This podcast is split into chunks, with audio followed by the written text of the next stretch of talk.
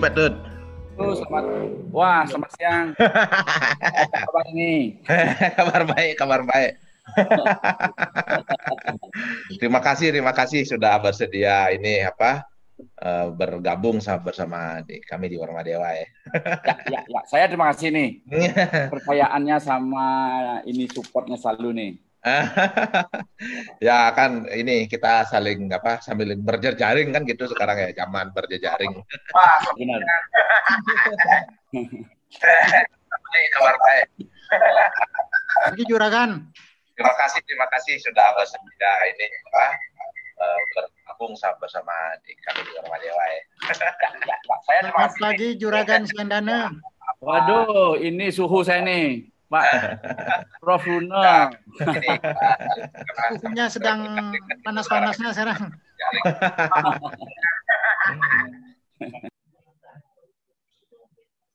Nah, jadi uh, apa namanya diskusi kita pagi hari ini akan disiarkan secara langsung melalui akun uh, YouTube Arsitektur Warma Dewa. Kami di Warma Dewa saat ini sedang apa bergerak juga ke arah digitalisasi uh, pola pendidikan jadi kami ada website, ada YouTube, eh, dan juga ada sosial media.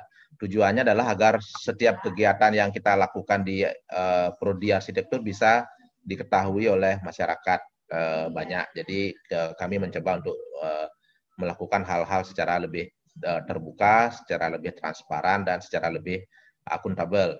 Kemudian seri kuliah ini sebetulnya adalah bagian dari uh, kuliah etika berprofesi sebagai arsitek. Nah, kami mengundang arsitek-arsitek yang sudah senior, yang sudah uh, kenyang makan asam garam uh, di dunia praktisi untuk sharing, untuk berbagi pengalamannya saat bekerja sebagai arsitek profesional. Jadi yang pertama ada Andi Rahman, jadi dia bercerita bagaimana membentuk sebuah tim yang tangguh untuk mengerjakan proyek-proyek Kemudian yang kedua ada Pupu Danes yang bercerita soal pentingnya menjaga lingkungan dan menghormati heritage. Kemudian yang ketiga ada Pak uh, Ketut Artane yang berbagi soal bagaimana uh, bekerja dengan klien, ada dengan berbagai macam jenis klien. Dan yang keempat hari ini dengan Pak Dut Siandane soal uh, bagaimana kita bekerja bersama masyarakat. Nah, yang kalau saya mengikuti ini apa IG-nya Pak Tut nih di di Instagram, uh, stories-nya juga saya ikuti. Pak Tut saat ini mengerjakan beberapa proyek yang melibatkan masyarakat, uh, baik itu pura dan yang terbaru yang sedang dikerjakan kalau tidak salah Balai Banjar Wangaya aja ya Pak Tut ya. Benar. Uh, nah, kemudian juga ada kalau tidak salah pasar Kumbasari yang yang segera akan datang dan segera tayang. Iya. nah, jadi desain. ya lagi proses desain. Jadi Pak Tut ini memang sudah apa ya? Sudah sangat fasih bekerja bersama masyarakat, bekerja dengan cara melibatkan uh, semua elemen masyarakat, uh, tidak bekerja di ruang hampa. Nah, ini yang akan kita diskusikan pada pagi hingga siang hari ini. Dan pagi hari ini Pak Tut akan dipandu oleh Pak Agus Kurniawan. Nah, untuk selanjutnya saya serahkan kepada Pak Agus. Silakan Pak Agus. Uh, swastiastu Pak Tut, uh, uh, mohon maaf ini uh, mengganggu waktunya Pak Tut yang di tengah-tengah kesibukan menangani proyek-proyek uh, perencanaan. Uh, mungkin mahasiswa-mahasiswa sudah banyak yang mengenal eh, Pak Tutsiandana yang awalnya setahu saya Koride Arts gitu ya Pak ya, ya Pak Tut ya. Uh, Koride Arts ya setelah itu uh, berganti menjadi Desian Arsitek gitu ya. Proyek-proyek yang ditangani ya sudah dari lokal, nasional, internasional sudah banyak yang di, dikerjakan kemudian kerjasama dengan arsitek-arsitek asing sudah banyak, mulai dari Peter Muller uh, mengingatkan kembali saya dulu ikut yang di proyeknya Pak Tut, Peter Muller, uh, Waka Obri Lombok. Ya, waktu saya masih, yeah, Ah. Waktu saya masih di Atlir 6. Atlir 6. Oh, oke okay, oke okay, ya menarik. Okay. Waktu saya masih di Atlir 6. Kemudian Pak Tut juga kerjasama dengan Frederick Taplin, Alan Gilbert, itu banyak lagi yang kerjasama kerjasamanya. Uh, dan saya sangat rekomendasikan untuk tempat magang bagi mahasiswa gitu ya. Karena uh, konsultan yang digawangi oleh Pak Tut itu memang berproses gitu ya berproses langsung ditangani oleh Pak Tut sendiri. Bagaimana dari konsultasi dengan owner kemudian Pak Tut langsung di studio kemudian langsung ke lapangan untuk uh, bagaimana desain itu sampai keluar gitu ya. Kemudian penghargaan-penghargaan award yang di sudah diterima oleh uh, Pak Tut Siandana banyak sekali. Mulai dari 2001 atau sebelum itu uh, di sini tidak ada ininya rekodnya 2000 2001 uh, mulai dari Waka Gangga gitu ya kalau misalkan yang dulu saya ikuti itu dari Waka Obroi, kemudian yang di Jembrane, saya lupa namanya Pak Dut, Waka Oria. Ya, Waka Oria. Ya, itu. Kemudian THK Award 2003, 2007, kemudian Green Hotel dari Sultan Brunei 2010 dan juga banyak buku-buku yang sudah uh, dikeluarkan ataupun karya-karya Pak Tut Siandana masuk di dalam buku-buku yang diterbitkan ataupun dalam bentuk publikasi-publikasi uh, lain yang di yang sudah diterbitkan. Uh, kali ini kami dari Prodi Arsitektur Warmadewa mohon pencerahan dari Pak bagaimana uh, tentang keberpihakan arsitek terhadap masyarakat. Kalau misalkan di Jogja ada Romo Mangun, kemudian diikuti oleh uh, Eko Prawoto, kemudian ada Yusing di ITB, kemudian banyak juga arsitek-arsitek lain yang berpihak ke masyarakat. Itu terlihat dari karya-karya desain yang dihasil yang dihasilkan ataupun juga proses daripada uh, kesepakatan yang dilakukan oleh arsitek dengan owner. Kami melihatnya seperti itu keberpihakan keberpihakan uh, arsitek terhadap masyarakat. Sehingga uh, kesan arsitek itu yang tidak hanya untuk orang berduit itu juga sudah dilakukan oleh arsitek-arsitek lain dan sudah barang tentu eh, patut juga sudah melakukan dengan apa namanya dengan eh, istilah Balinya ngayah. Eh, kemarin saya lihat di Balai Banjar Wangaya Kaje Uh, itu karya salah satu karyanya juga di uh, pura-pura. Itu banyak yang sudah karya-karyanya Pak Dana termasuk juga yang pura Pasa kalau tidak salah ya Pak ya uh, pura Pasa ya ya benar ya seperti itu nah, itu juga ya. termasuk keberpihakan arsitek terhadap masyarakat. Selanjutnya, karena ini waktunya sampai pukul 11.30. Uh, mungkin setelah itu Pak Tut punya banyak kesibukan lah lain. Uh, kami dari Prodi Arsitektur Warma Dewa uh, mohon memberi uh, kepada Pak Tut untuk memberikan sedikit pencerahan uh, bagaimana keberpihakan arsitek terhadap masyarakat. Baik uh, yang sudah barang tentu Pak Tut lakukan atau Eh, arsitek-arsitek lain yang sudah melakukannya. Untuk itu, waktunya kami persilakan Patut. Oke, ya. Uh, Oke, jelas. Bisa dengar jelas nggak? Oke, jelas. Ya, ya. Oke, terima kasih uh, Pak Agus. Uh, Oke, ya.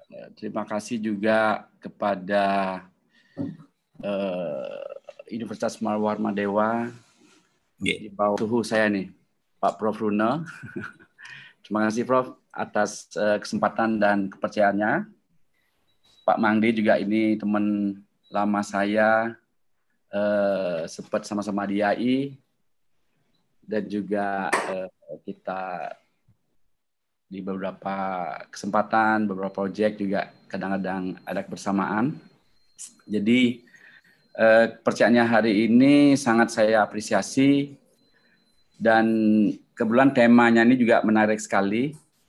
Jadi ketika saya dikontak untuk eh, menjadi pembicara atau memberikan eh, pengalaman eh, pada acara ini sangat sangat senang dan sangat apresiasi ya.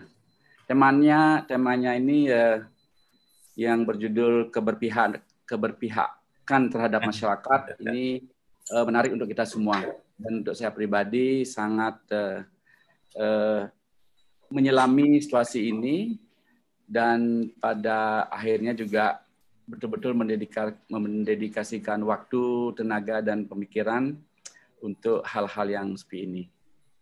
Jadi uh, tema ini saya rasa tema besar yang merevitalisasikan atau mengingatkan kita kembali kepada uh, peran pentingnya kita ya peran pentingnya yeah. kita sebagai arsitek hmm. atau kok di Bali uh, profesi arsitek itu memiliki uh, sebutan yang sangat uh, uh, khusus juga yaitu undagi. Ya. Uh, bisa di share screen-nya ya uh, untuk presentasi saya ada di uh, share screen, ya? share screen. Ya, ya, ya.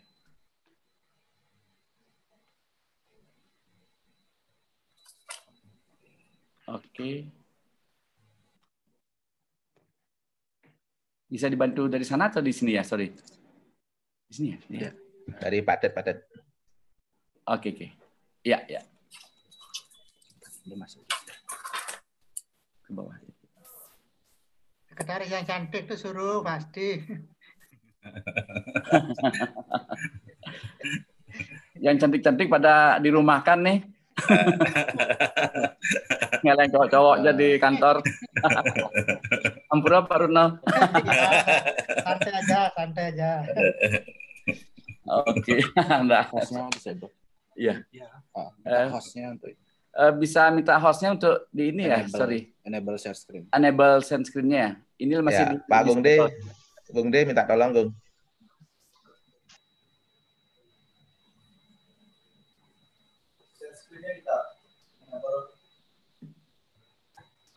Oke, sambil nunggu itu.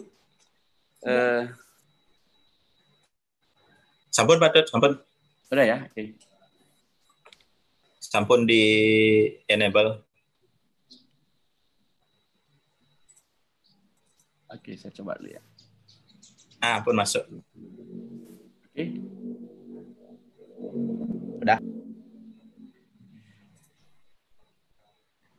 Ya. Jadi eh, Terima kasih. Jadi saya coba untuk uh, membuatkan satu uh, PowerPoint sederhana. Jadi mohon maaf sekali ini PowerPoint-nya mungkin uh, secukupnya aja. Uh, Mudah-mudahan bisa memberikan uh, bayangan atau uh, lightning atau pencerahan yang menarik untuk teman-teman, untuk adik-adik, dan juga kakak-kakak senior di dunia arsitektur.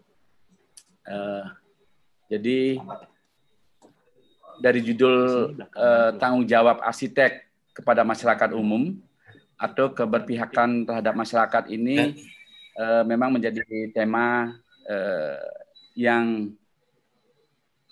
sangat menarik dan memang juga menjadi satu filosofi dari seorang arsitek yang nantinya setelah uh, banyak belajar, banyak juga berproses, banyak berpraktek.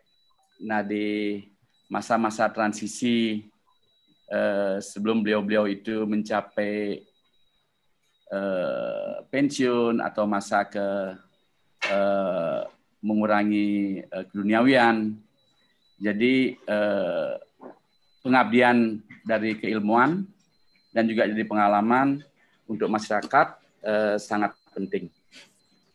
Oke.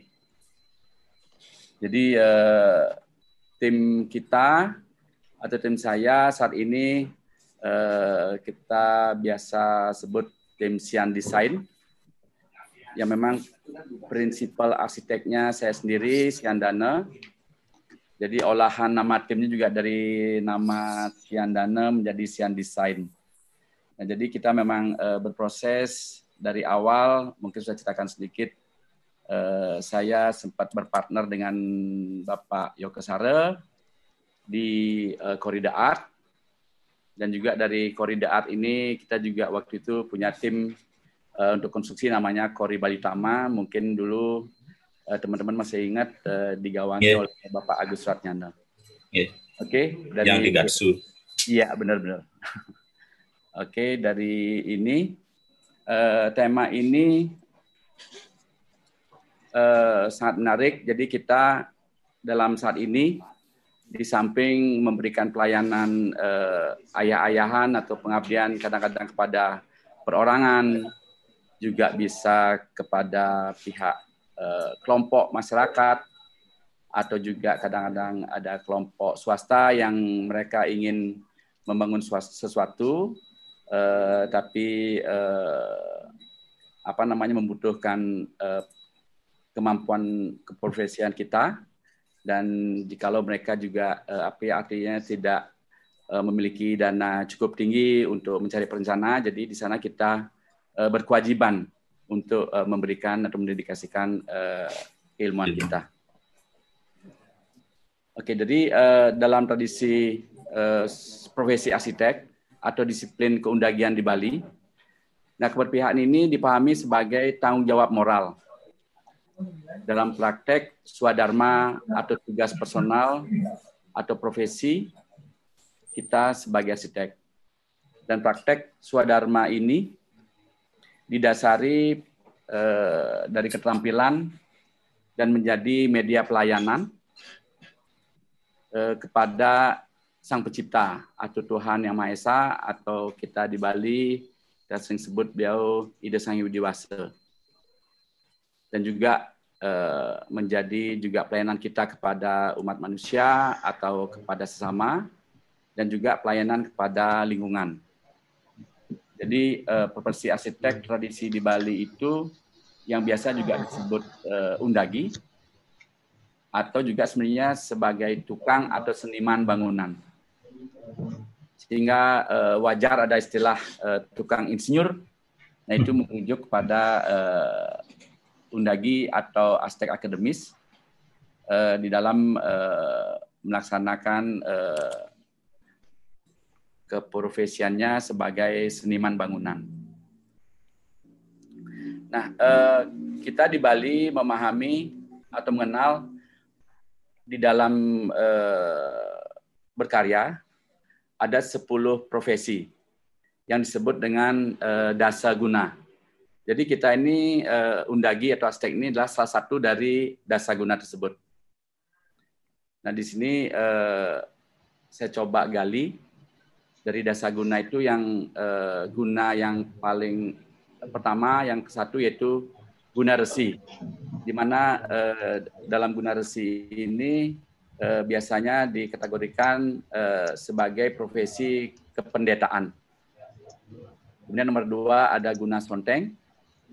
Nah, guna sonteng ini juga eh, profi, apa profesinya sebagai pemangku atau pemuka adat atau sebagai pinandita. Nah, kemudian yang ketiga ada namanya guna wibawa. Guna wibawa ini adalah profesi sebagai pejabat atau tentara atau polisi atau juga kesatria. Kemudian ada guna dagang. Nah, di sini yang berprofesi sebagai uh, pengusaha atau pembisnis atau pedagang atau entrepreneur. Kemudian, nah ini yang uh, nomor lima ini adalah uh, guna tukang. Nah di sini uh, profesi sebagai undagi atau seniman bangunan dimasukkan ke dalam uh, guna tukang ini. Jadi kita sebenarnya juga uh, disebut uh, sebagai uh, menjalankan tugas pertukangan. Tapi uh, secara akademisi ketika kita memiliki keilmuan yang lebih tinggi, dari tukang itu memiliki kemampuan uh, lebih mengusus disebut uh, sebagai undagi. Nah, kemudian yang nomor enam ada disebut uh, guna sangging. Di sini profesi uh, guna sangging itu adalah uh, sebagai uh, seniman hias, apakah itu pematung atau pelukis atau juga sebagai desainer uh, beberapa sisi lain seperti desain grafis, fashion itu ya, dimasukkan ke dalam uh, uh, guna sangging. Kemudian yang nomor tujuh ada guna pergina. Nah ini uh, teman-teman yang berprofesi profesi sebagai uh, seniman tari, seniman pertunjukan, atau seniman uh, menyanyi. Nah ini juga dimasukkan sebagai uh, guna pragina. Ada juga seorang dalang itu juga profesi beliau disebut sebagai guna pragina. Kemudian ada guna sastra yang nomor 8 yaitu uh, beliau-beliau yang uh, berprofesi atau memiliki keahlian uh, dalam tulis menulis.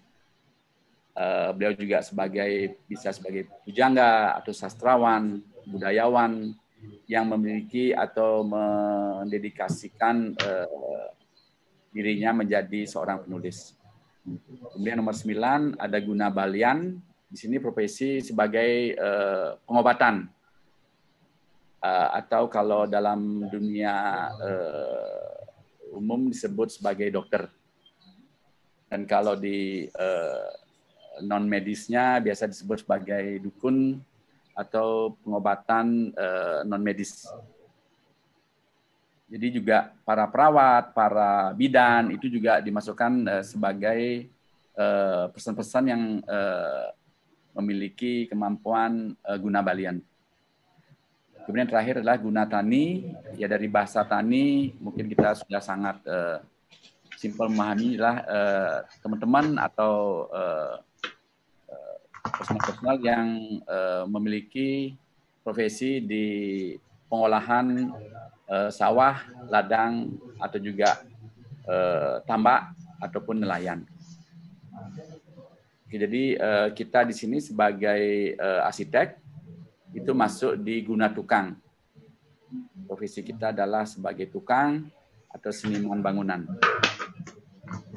Jadi dari ke 10 uh, eh, bentuk kerjaan tersebut, masing-masing itu memiliki lontar.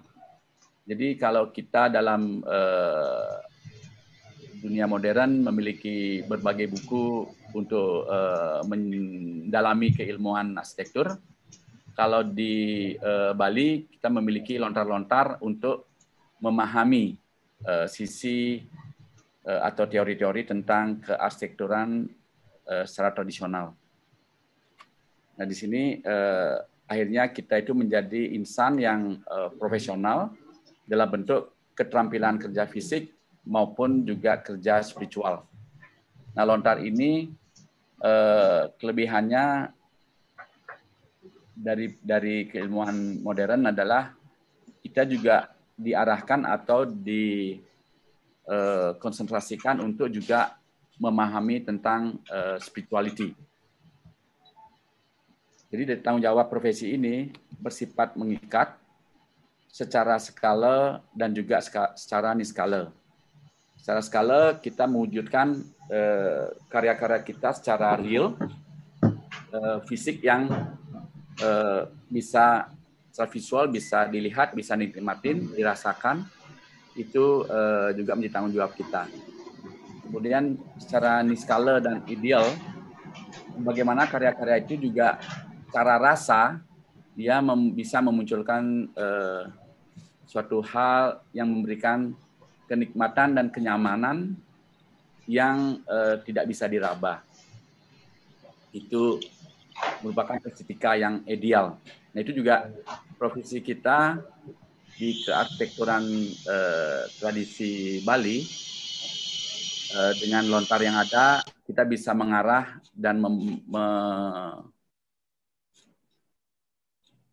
mewujudkan atau eh, membentuk diri kita memiliki kemampuan di sana. Nah jadi ketekunan dan disiplin untuk penguasaan jenis keterampilan khusus ini bisa didapat melalui proses belajar, belajar teori, belajar pelatihan, juga belajar dalam bekerja. Yang juga diimbangi dengan eh, permohonan eh, bimbingan secara spiritual dan ritual, dan juga memohon perlindungan ketika kita eh, melakukan suatu hal yang eh, mungkin ada risiko di sana ketika uh, kita berkarya yang berhubungan dengan uh, pujian suatu bentuk karya-karya ritual atau spiritual. Nah dari penggalian ini dan dengan ritual-ritual yang tepat, dengan dengan permohonan-permohonan yang baik dan positif, akan meningkatkan karisma baik itu karisma kita secara pribadi, juga karisma karya kita. Jadi kadang-kadang karya yang tidak monumental atau tidak memunculkan estetika yang tinggi, tapi dia memiliki karisma walaupun dia sangat simpel. Nah itu mungkin eh, teman-teman yang sudah berkarya sekian banyak eh, seperti Mang De, Agus dan beberapa teman-teman kita yang sudah berkarya cukup panjang, walaupun karyanya itu kelihatan simple, tapi memunculkan karisma yang menarik. Nah ini yang disebut di Bali itu disebut taksu. Nah taksu ini kalau kita di dunia ngayah ketika kita eh, ngayah untuk suatu tempat spiritual, jadi permohonan ketika kita ingin ngayah dan ketika kita sudah memulai ayah-ayahan kita, dan setiap saat ketika kita berkarya, ketika merencanakan eh, atau mendesain karya tersebut, kita selalu memohon. Nah, ke kontinu permohonan ini yang nantinya memberikan karisma kepada kita dan karisma kepada karya kita nantinya. Walaupun ketika belum terwujud, karisma di gambar dan presentasi itu juga sudah muncul sehingga pihak yang melihat gambar atau merasakan visual presentasi kita eh, diberikan eh, suatu rasa tertentu. Nah itu yang eh, kita bisa pelajari pelan-pelan dan kita bisa eh, maknai dari lontar-lontar yang ada eh, untuk mencapai hal itu. Oke, kembali ke topik awal. Jadi keberpihakan kita kepada uh, masyarakat uh, ini uh, melingkupi ada tiga ranah. Kalau saya bisa bagi-bagi tiga ranah ini uh, atau kita juga biasa sebut dengan uh, Trihtakarana. Jadi tiga hubungan atau tiga karya yang berhubungan dengan uh, tiga ranah itu, yaitu uh, berkarya untuk yang maha kuasa atau berkarya untuk hal-hal yang berhubungan spiritual seperti membangun perhayangan, membangun pura, membangun tempat suci, baik itu kalau kita di Bali tempat suci kita pura atau merajan keluarga ataupun kalau kita sudah bisa lintas budaya kadang-kadang kita juga diberikan kesempatan untuk membantu dari kepercayaan lain seperti kita pernah juga membuat seminari atau membuat uh, tempat berdoa dari uh, umat Buddha atau tempat asam untuk uh, pendidikan kebudayaan demikian. Nah itu yang uh, ranah yang pertama. Ranah yang kedua adalah uh, ngayah untuk masyarakat. Jadi membantu mendesain uh, rumah atau hunian masyarakat bila mana masyarakat tersebut tidak memiliki kemampuan untuk uh, biaya perencanaan atau tidak punya kemampuan untuk mewujudkan keinginannya dari sisi membantu untuk membuat konsep desainnya.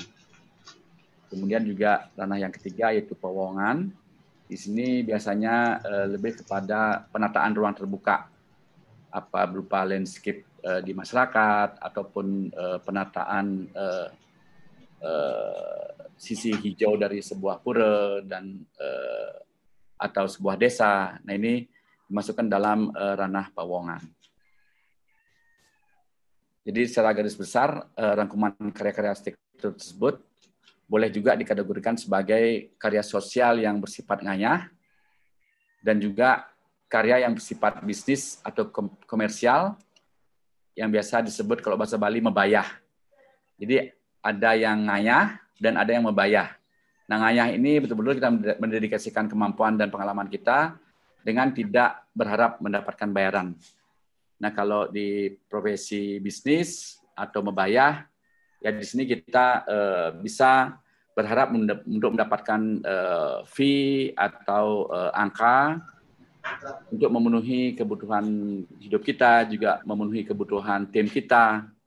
Nah, di sini uh, ada dua sisi mungkin di awal-awal kita lebih konsentrasi pada uh, mendedikasikan kemampuan untuk membayar atau uh, komersial atau untuk meningkatkan uh, angka-angka di duniawi dan uh, yang berikut adalah uh, mendedikasikan tenaga kita untuk ngayah baik itu ngayah kepada seperti tadi ada pura, ada balai banjar, ada rumah masyarakat atau juga membantu masyarakat ketika uh, masa paceklik seperti sekarang ini, bagaimana membantu bisnis mereka menata sedikit uh, warung atau toko mereka dengan kita menganyah sehingga memiliki uh, kualitas visual yang baik. Nah itu kadang-kadang juga kita bisa mendedikasikan uh, kemampuan kita di sana. Jadi dari kedua kategori ngayah dan membayah itu eh, di sini bentuk keberpihakan kita sebagai profesi kepada eh, masyarakat eh, sangat eh, dibutuhkan, apalagi dalam hal eh, situasi seperti ini. Eh, kebetulan kita juga memiliki waktu yang cukup eh, ketika proyek tidak terlalu banyak, jadi kita bisa konsentrasi untuk ke dalam ke diri kita dan juga mendedikasikan diri kita untuk uh, uh, membantu uh, pihak-pihak dalam hal ini uh, mengayah. Dan tentunya dalam ayahan ini kita juga tetap harus memiliki kemampuan budgeting, kemampuan untuk memberikan estimasi biaya sehingga pihak-pihak yang mengharapkan kita untuk membantu mereka mengetahui juga bagaimana eh, nantinya anggaran yang dibutuhkan. Tentunya untuk membangun fisiknya. Kalau untuk perencanaan eh, kita dalam hal ini eh, nganyah. Dan juga kita tetap memiliki pengetahuan terhadap eh, geografis dari lokasi tersebut, baik itu topografi, iklim setempat. Nah itu kualitas kemampuan kita tetap diperlukan di sana sehingga ayahan-ayahan kita itu juga memiliki nilai yang baik dan terukur. Nah, jadi dengan demikian dapat disimpulkan keberpihakan terhadap masyarakat bagi seorang undagi atau arsitek sekaligus e, menunjukkan tanggung jawab profesionalitasnya tidak saja kepada diri sendiri atau klien, tapi juga kepada atau kehadapan uh, Begawan Wiswakarma yang merupakan dewa dari para arsitek atau dewa dari para undagi. Jadi uh, ketika kita sudah diberikan keahlian dan kemampuan keundagian, jadi akhirnya kita harus mendedikasikan kemampuan dan keundagian kita itu kepada beliau, Begawan Wiswakarma. Nah ini sebenarnya eh, menariknya kita sebagai seorang sitek, suatu nanti atau kayak eh, seperti saya pribadi sekarang dari beberapa tahun terakhir, mungkin 5-10 tahun terakhir, kita juga sudah pelan-pelan mulai mendedikasikan eh, kemampuan kita untuk eh, beliau sebagai eh, begawan yang memberikan keilmuan kita. Oke, itu eh, sedikit uh, lightning atau uh, pencerahan atau uh, sedikit gambaran yang saya bisa gali terhadap nilai-nilai atau makna-makna dari sebuah ngayah sebagai keprofesian keundagian kita. Oke, kita atau saya sekarang coba me mengenengahkan beberapa uh, ayah-ayahan kita. Nah ini satu konsep uh, penataan Pura Natasari di daerah Apuan. Jadi di sini saya berkesempatan waktu itu di uh, diminta oleh Bapak Wiante, salah satu maestro lukis yang beliau uh, rumahnya atau beliau memang uh, desanya itu di Apuan dan beliau sangat ingin menata uh, Pura Natasari ini karena Uh, setelah beliau juga malang melintang ke beberapa berbagai daerah negara ber, berkarya dengan uh, keseniannya. Beliau ingin uh, dari hasil karya-karyanya tersebut yang berupa apa hasil materinya disumbangkan uh, untuk menata Pura uh, Natasari. Jadi kita bersama-sama dengan arahan beliau dari sisi uh, visualisasi, kemegahan sebagai seorang pelukis uh, biasa beliau mengharapkan Pura Natasari ini menjadi suatu pura yang memiliki kemegahan tertentu dan secara visual memiliki kemenarikan uh, estetis yang tinggi. Nah ini uh, Pura Natasari itu akhirnya kita ngayah di sana.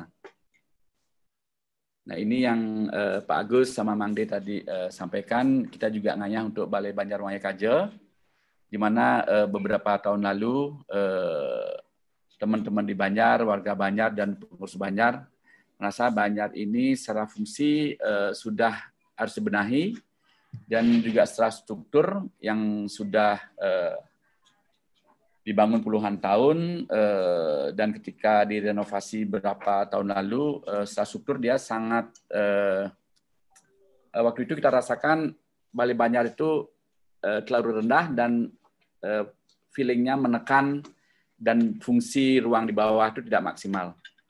Nah, jadi uh, setelah kita berkumpul dengan tim anak-anak muda, arsitek-arsitek uh, adik-adik kelas di uh, Banjarmasin Kaja, uh, setelah kita uh, berargumentasi, memberikan pandangan, akhirnya teman-teman di Banjar dan juga pengurus Banjar mempercayakan uh, sebagai konseptor atau prinsipal arsiteknya kita dari tim Sian Design. Akhirnya kita uh, nganyah di Banjarmasin Kaja, dan ini eh, seperti beberapa eh, ulasan tadi, jadi kita harus memahami juga ketika arsitektur eh, bangunan seperti Balai Banjar ini merupakan atau memiliki konsep Bali yang bernuansa kolonial, kita juga mereno, merenovasi atau merestorasi eh, secara mengambil bentuk konsep desainnya itu juga inline dengan uh, apa yang terbentuk sebelumnya. Jadi dari desain kita dengan uh, desain existingnya itu ada korelasi atau ada benang merahnya. Oke, kita akan coba uh, ini beberapa uh, situasi di uh, lapangan. Jadi seperti Pak Agus juga sampaikan di samping desain, kita juga sebagai konseptor harus uh, selalu uh, kontrol dengan kualitas desainnya. Uh, kita akan coba videonya. Nah, ini ada video animasi dari Banjarmasin Kaja. mudah-mudahan teman-teman sama uh, para arsitek pengamat bisa menikmati uh, salah satu karya ayah-ayahan kita. Ya. Oke, bisa muncul ya? Coba. Tadi sudah tinggal tinggal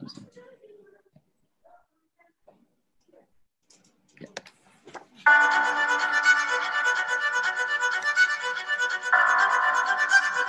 Bisa muncul ya, Pak Mangde? Ya, ya.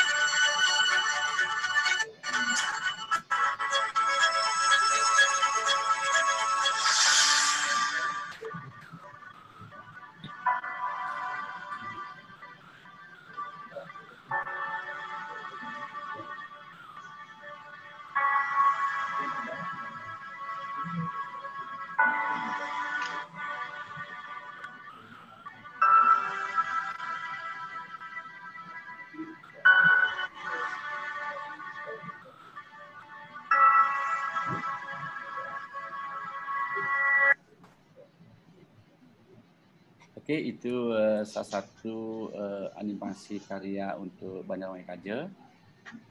Kita balik ke uh, presentasi kita. Oke, ini penataan Pasar Kumbasari. Uh, memang dari Pasar Kumbasari yang uh, sekarang uh, ketika uh, terbangunnya Pasar Badung, jadi Pasar Kumbasari uh, tampak agak uh, jomplang dengan pasar Badung yang sudah indah. Mm-hmm.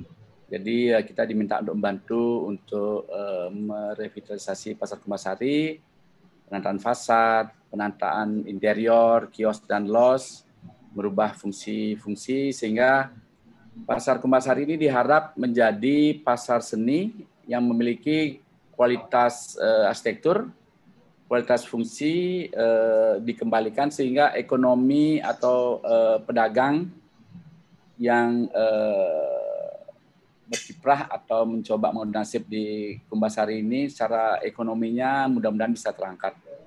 Nah, baik uh, kita membantu dari segi uh, fasad dan fungsi-fungsi di interior sehingga uh, kenyamanan uh, pengunjung dan ke nyamanan pedagang juga muncul. Dan juga kita membantu bagaimana eh, apa komunikasi nanti dari bangunan yang sudah terwujud secara estetika arsitekturnya muncul, eh, komunikasi ke masyarakat, ke publik, sehingga pasar Kumbasari menjadi memiliki daya tarik eh, yang bagus. Nah ini kita juga mencoba bagaimana secara sketsa pasar Kumbasari itu ditata kembali beberapa fungsi-fungsinya, sehingga memunculkan nilai lebih. Nah ini kita mencoba mengetengahkan desain gate dari Pengumbasari dengan memakai style bebadungan yang uh, di-invent atau diberikan kekuatan sedikit sehingga uh, memunculkan kemegahan. Nah ini juga mudah-mudahan uh, pengalaman dan kemampuan dan selalu memohon kepada beliau yang kuasa dan beliau uh, begawan Wisokarma sehingga dimunculkanlah karisma atau taksu di karya-karya ini. Uh, kita coba lihat video animasi daripada uh, Kumbasari. Waktunya masih cukup ya? Sorry, sorry. Masih, masih aman. Nggak apa ya? Iya. iya. Yeah.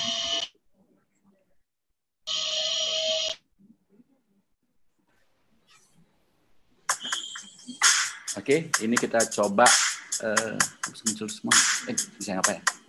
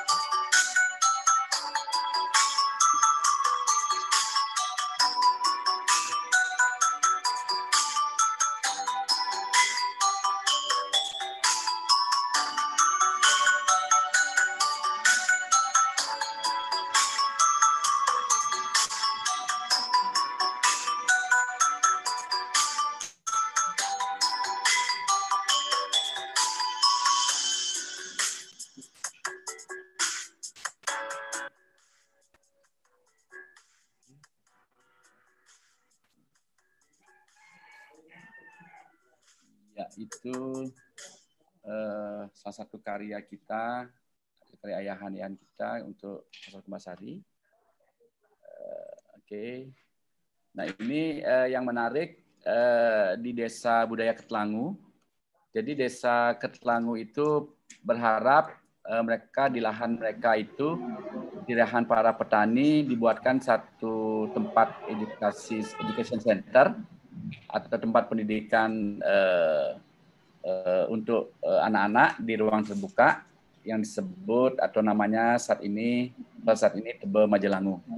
Ini adalah uh, uh, apa uh, ayah-ayahan kita atau uh, bantuan kita untuk bantu melaksanakan uh, sebuah education center. Jadi di masa pandemi ini mungkin anak-anak susah untuk di uh, atau melakukan pendidikan offline jadi mereka itu online, tapi dengan adanya Desa Budaya Kelangu ini atau Tebal Majalangu ini, eh, pendidikan dilakukan di outdoor, jadi di kebun, di eh, nanti di sana ada beberapa kandang eh, binatang untuk kehidupan sehari-hari dan tradisi dan budaya eh, masyarakat Bali akan diedukasikan untuk anak-anak. Jadi mudah-mudahan fasilitas ini eh, bisa bermanfaat di masa pandemi ataupun pasca pandemi karena fasilitas ini memiliki keunikan eh, di mana anak-anak kita yang masih eh, level SD, SMP itu diberikan eh, pemahaman tentang kehidupan, tradisi dan budaya Bali. Jadi desain daripada bangunan atau uh, arsitektur yang dimunculkan di sini adalah sangat uh, berpihak kepada desain di desa sekitar Ketelangu. Jadi dengan memanfaatkan batu-batu, bata, uh, paras, dan juga kayu-kayuan yang kebetulan nih Bapak Kepala Desanya sangat rajin eh, mengoleksi sisa-sisa kayu dari eh, yang hanyut di laut, dimanfaatkan menjadi eh, eh, bagian daripada karya arsitektur. Ini eh, kalau kita lihat meja, kursi sangat eh, basic dari kayu-kayu sisa tersebut. Nah, kemudian ini eh, ayah-ayah kita membantu ada pura dalam perarungan. Pura dalam perarungan ini berlokasi di Sakenan. Jadi pura ini ketika Mas ada gempa beberapa tahun lalu eh, yang pusatnya di Lombok, beberapa pura eh, beberapa bagian pura dari pura perarungan ini eh, runtuh atau roboh, terutama di eh, candi apa di Korea Agungnya. Nah, jadi kita bersepadan untuk membantu uh, rapikan pura ini dan uniknya pura ini ini uh, materialnya itu dari karang tombong atau karang dasar laut yang memang sekarang agak susah untuk mendapatkan. Jadi kita memaksimalkan uh, hasil robohan itu walaupun sebagian rusak dan ada yang bisa dimanfaatkan semaksimal mungkin yang sudah ada.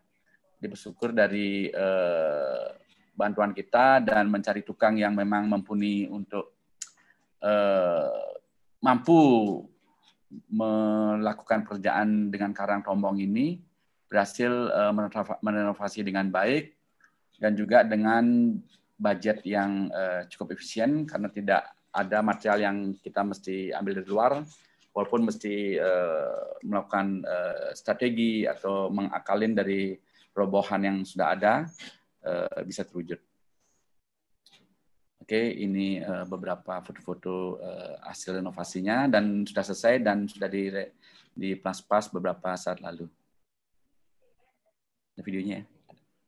Ada waktu untuk ini video ya, apa ya?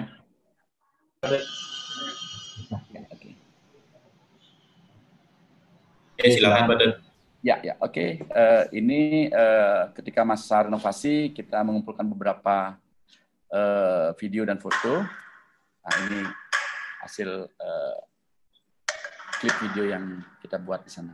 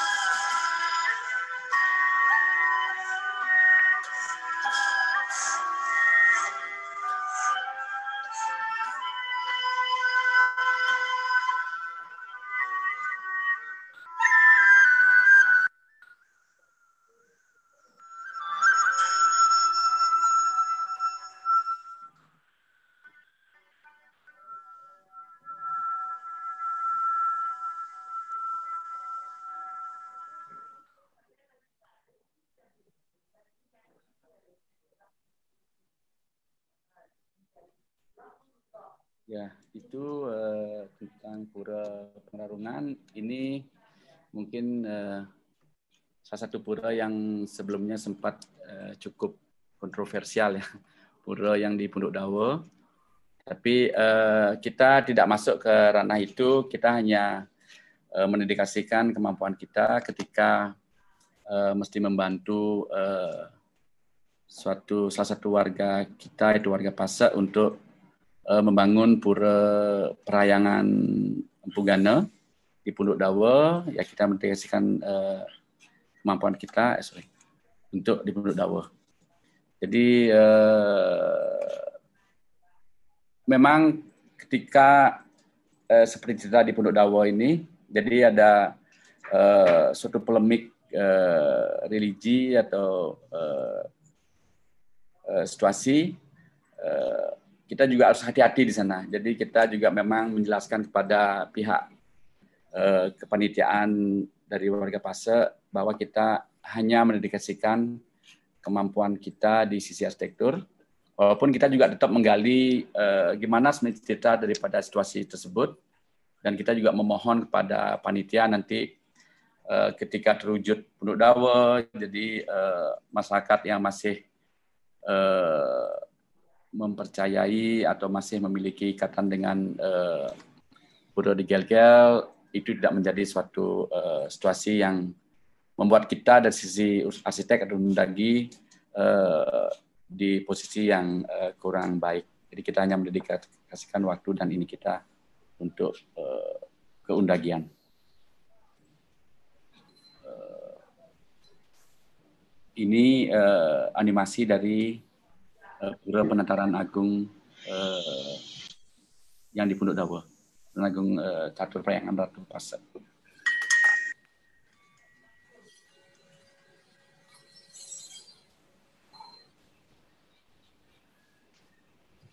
Memang karena di perbukitan, jadi pura ini memiliki kontur yang cukup terjal, sehingga ada beberapa dinding-dinding yang akhirnya menjadi dinding yang tinggi.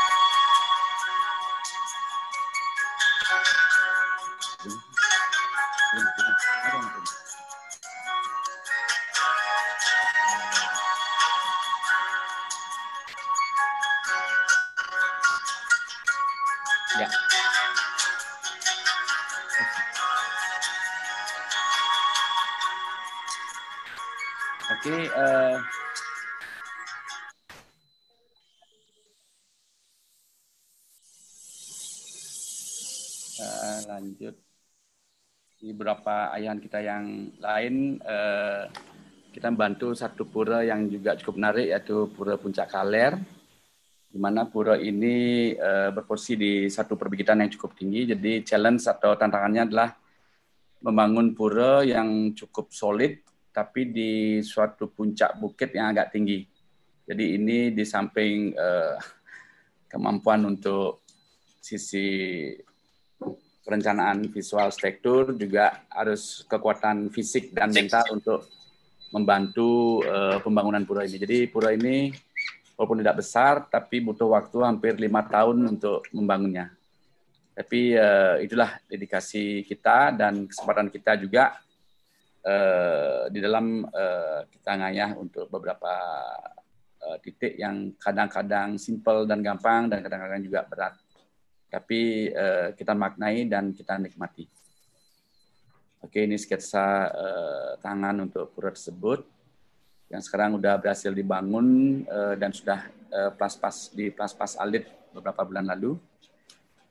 Nah, ini yang berikutnya lah pura di Gunung Tambora tapi uh, Pura Gunung Tambora ini tempatnya juga challenging sekali atau penuh tantangan. Jadi ya. satu punggung Gunung Tambora dibangun pura. Jadi ini juga senior kita, Bapak mungkin Pak Runo juga udah sering sana, uh, Pak uh, uh, Pak Oke yang dari Periksiman, kalau Pak Oke dosen kita, beliau yang mengawali membangun pura ini setelah masa tertentu beliau memberikan saya kesempatan untuk melanjutkan dan menata beberapa sudut-sudut pura.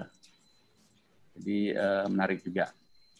Nah ini ada satu kawitan dari Pasar Kubayan di dalam Mengui yang puluhan uh, kita diminta oleh uh, Ide Seimpu untuk membantu beliau mewujudkan dan sudah terwujud uh, dengan baik dan uh, kita dan pihak yang kita bantu juga merasa uh, puas dan senang dengan hasilnya. Ini uh, juga ini cukup historical sekali Pura Rinjani. Uh, mungkin teman-teman uh, dan Pak Runa juga dari sekian tahun uh, cukup lama juga.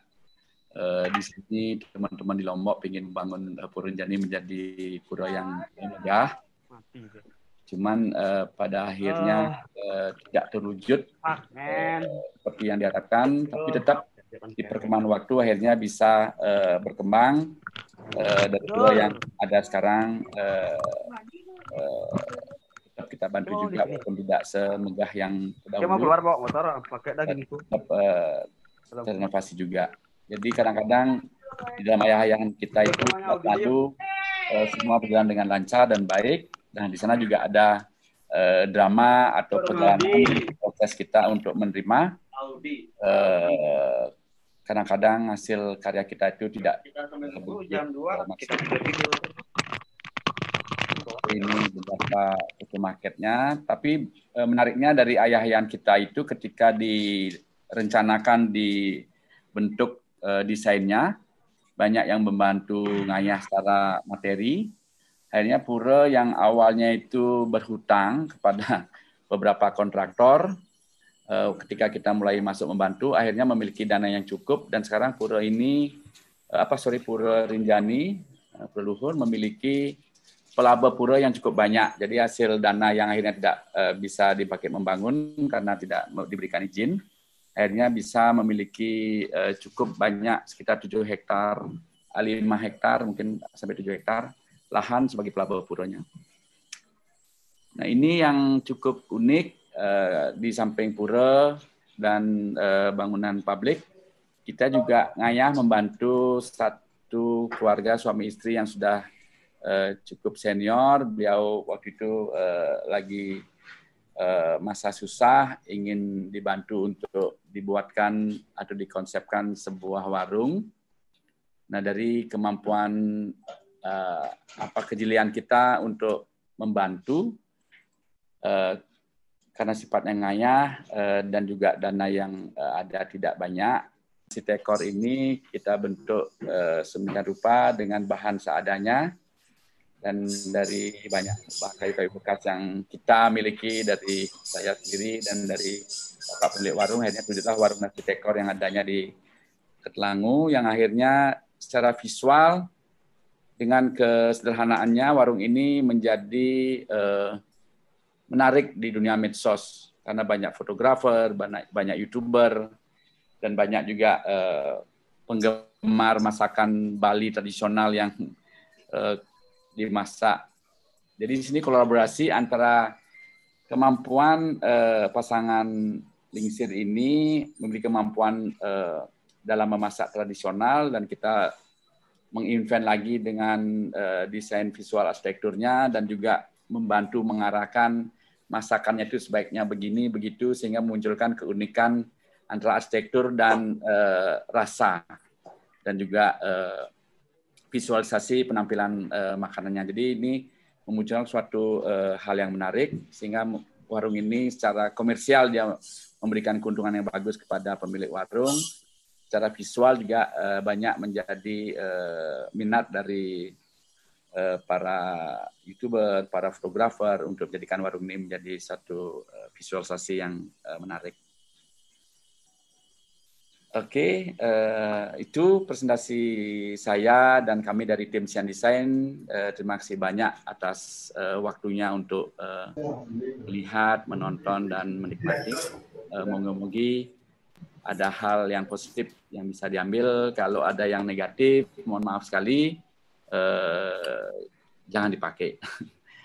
ya, terima kasih banyak semua Pak Mande, Pak Agus, sama Pak Runa okay. dan teman-teman di Warma Dewa atas kesempatannya. Terima kasih. Matur semua. Oke, okay.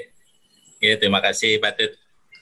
Uh, demikian tadi sudah banyak disampaikan oleh Pak Tut tentang keberpihakan terhadap masyarakat uh, di sini yang disampaikan oleh Pak Tut itu mulai dari ngayah, gitu ya, ngayah atas tanggung jawab arsitek undagi secara skala dan niskala. Dan itu yang jarang di arsitek-arsitek lain yang ada tanggung jawab secara niskala. Kalau misalkan yang pernah saya alami eh, kegiatan ngayah yang dilakukan seperti ini itu akan menjadi promosi yang luar biasa terhadap karya-karya Pak Tut sendiri gitu ya. Misalkan seperti tadi eh, kegiatan yang dilakukan di Balai Banjar, di Pura, kemudian di pasar, gitu ya, dengan desain-desain yang tetap meninggalkan jejak ikon-ikon desian, uh, desian arsitek. Itu akan kelihatan oh ini karya desian arsitek gitu ya. Sehingga masyarakat yang di sekitar Banjar yang datang ke pura, yang datang ke pasar akan melihat dan akan menjadi tertarik kemudian untuk menggunakan desain sebagai salah satu alternatif atau menjadi tujuan utama eh, perencana apabila mereka kemudian melakukan suatu pekerjaan perencanaan. Di sini saya sangat berterima kasih sekali. Saya selaku warga Pasak juga eh, berterima kasih Pak Tut uh, sudah sama membuatkan uh, perencanaan Pura Pasak yang ada di Punduk Dawo. Terlepas daripada uh, kontroversi yang pernah terjadi. Kemudian uh, kegiatan yang patut lakukan di Balai Banjar Ruang Ayah Kaje, mungkin nanti juga uh, atau dulu pernah itu di Balai Banjar Abian Kapas hmm. yang ada pembongkaran Balai Kulkul, uh, mungkin Pak Tut juga masih ingat gitu ya. Hmm. Ya kemarin yang di Balai Banjar Ruang Ayah Kaje itu bangunan kolonial, zaman kolonial gitu ya. Kemudian gaya kolonial, mungkin banyak yang tidak setuju dengan melakukan pembongkaran gitu ya. Uh, mungkin karena tidak atau kurang paham dengan uh, teori konservasi, teori pelestarian uh, yang patut lakukan itu menurut pelestarian itu adalah pelestarian ala timur, uh, bukan ala barat. Kalau ala barat mungkin dibiarkan, dibiarkan, ditonton sampai roboh, seperti itu. Tapi kalau misalkan yang ala timur, ah, yang Pak Tut lakukan itu membangun kembali, kemudian masih ada benang merah, kemudian membuat menjadi lebih bagus lagi, kemudian di situ ada proses, ada pembelajaran, kemudian ada alih uh, teknologi dengan dari yang Pak Tut, kemudian ke anak buahnya Pak Tut, kemudian ada ke masyarakat-masyarakat sekitar, uh, sehingga mereka menjadi paham bagaimana pembangunan sebuah balai banjar yang dulu mereka punya. Kemudian uh, di tempat-tempat lain juga sama seperti itu proses daripada pelestarian kalau di Bali itu lebih banyak ke alih teknologi dari generasi ke generasi. Yang patut lakukan misalkan di pura pengerarungan sakit sakenan tadi gitu ya. Mungkin itu pura yang awalnya dibangun tahun berapa ya kemudian sekarang Pak Tut melakukan uh, perbaikan, renovasi akibat daripada gempa sehingga masyarakat masyarakat atau uh, pengemong daripada pura tersebut menjadi paham bagaimana proses atau pengerjaan atau perbaikan sebuah uh, Kori Agung sehingga mereka menjadi merasa memiliki, bukan uh, mereka hanya menerima, bukan hanya menerima dari generasi sebelumnya, tapi generasinya yang sekarang, yang patut itu aktif ya melestarikan. Sehingga proses yang yang sekarang Pak Tut lakukan itu dilihat oleh generasi setelahnya Pak Tut kemudian nanti apabila ada kerusakan lagi, generasi setelahnya Pak Tut juga bisa melakukan yang sama. Uh, tidak hanya objek itu kalau misalkan terjadi gempa, tidak hanya tetap dibiarkan menjadi puing, nah, menjadi puing. Hmm. Kalau misalkan di barat itu banyak, itu di tetap dibiarkan hmm. uh, berupa puing gitu ya dengan uh, alasan preservasi. Kalau misalkan yang patut lakukan itu sudah uh, tindakan pelestarian uh, ala timur. Bahkan kalau di Jepang itu ada sebuah kuil setiap 100 tahun itu di sengaja dibongkar. kemudian dibangun di tempat lain yang lebih uh, sesuai dengan uh, kuil itu. Itu dibangun ulang, dibangun ulang. Yang lama dibongkar. Nah, itu. Kalau misalkan yang di Bali, ya mirip seperti itu. Kemudian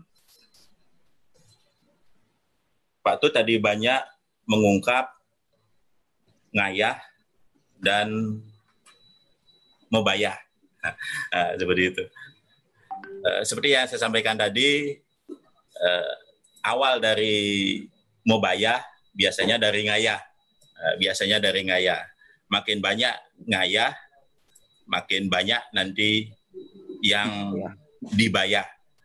Karena konsep Tri Tekarana itu tadi ya patut dengan uh, manusia dengan manusia uh, itu akan terkait dengan hubungan manusia dengan Tuhan itu akan dikembalikan lagi Tuhan ke manusia, alam ke ke manusia. Uh, seperti yang maaf itu pernah saya alami gitu ya. Banyak yang ngayah juga banyak juga yang dibayar karena proses itu. Ya proses itu. Semoga patut dan kantor tidak pernah uh, selesai dengan ngayah. Kalau selesai dengan ngayah nanti ngayahnya uh, sedikit nanti. Hmm. kemudian di diskusi ini uh, saya mohon konfirmasi dengan Pak Kajur. Ada diskusi dari mahasiswa? Oh, ada. Uh, silakan kepada mahasiswa kalau ada yang mau ditanyakan, didiskusikan terkait dengan topik hari ini keberpihakan saya tambahkan arsitek ya keberpihakan arsitek terhadap masyarakat gitu ya. Karena eh, narasumber yang ditampilkan hari ini itu banyak sekali sudah melakukan kegiatan keberpihakan. Seperti yang saya sampaikan tadi di awal gitu ya. Mungkin yang di buku-buku banyak atau yang di Google hanya banyak dijumpai arsitek-arsitek luar seperti Romo Mangun di Kalicode uh, seperti itu. Kemudian uh, murid-muridnya yang di UGM maupun di di di ITB uh, eh, Eko Prawoto kemudian Yusing itu banyak karya-karyanya itu keberpihakan terhadap masyarakat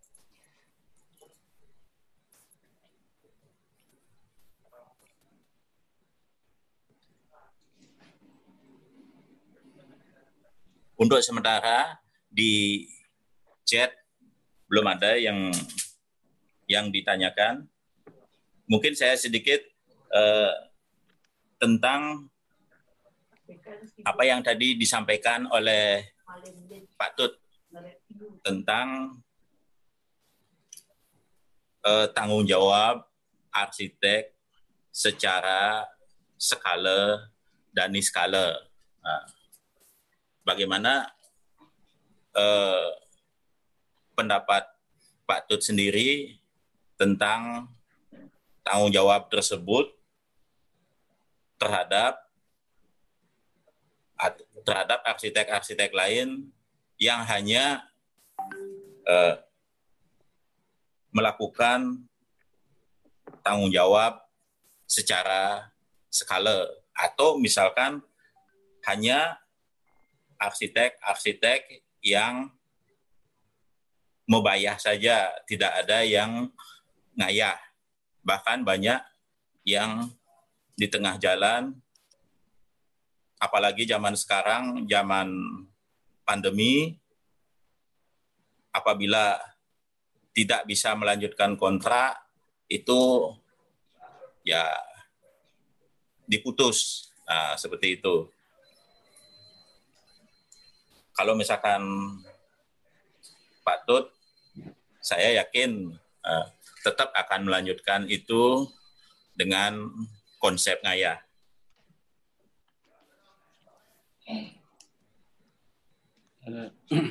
Saya lihat dulu chatnya.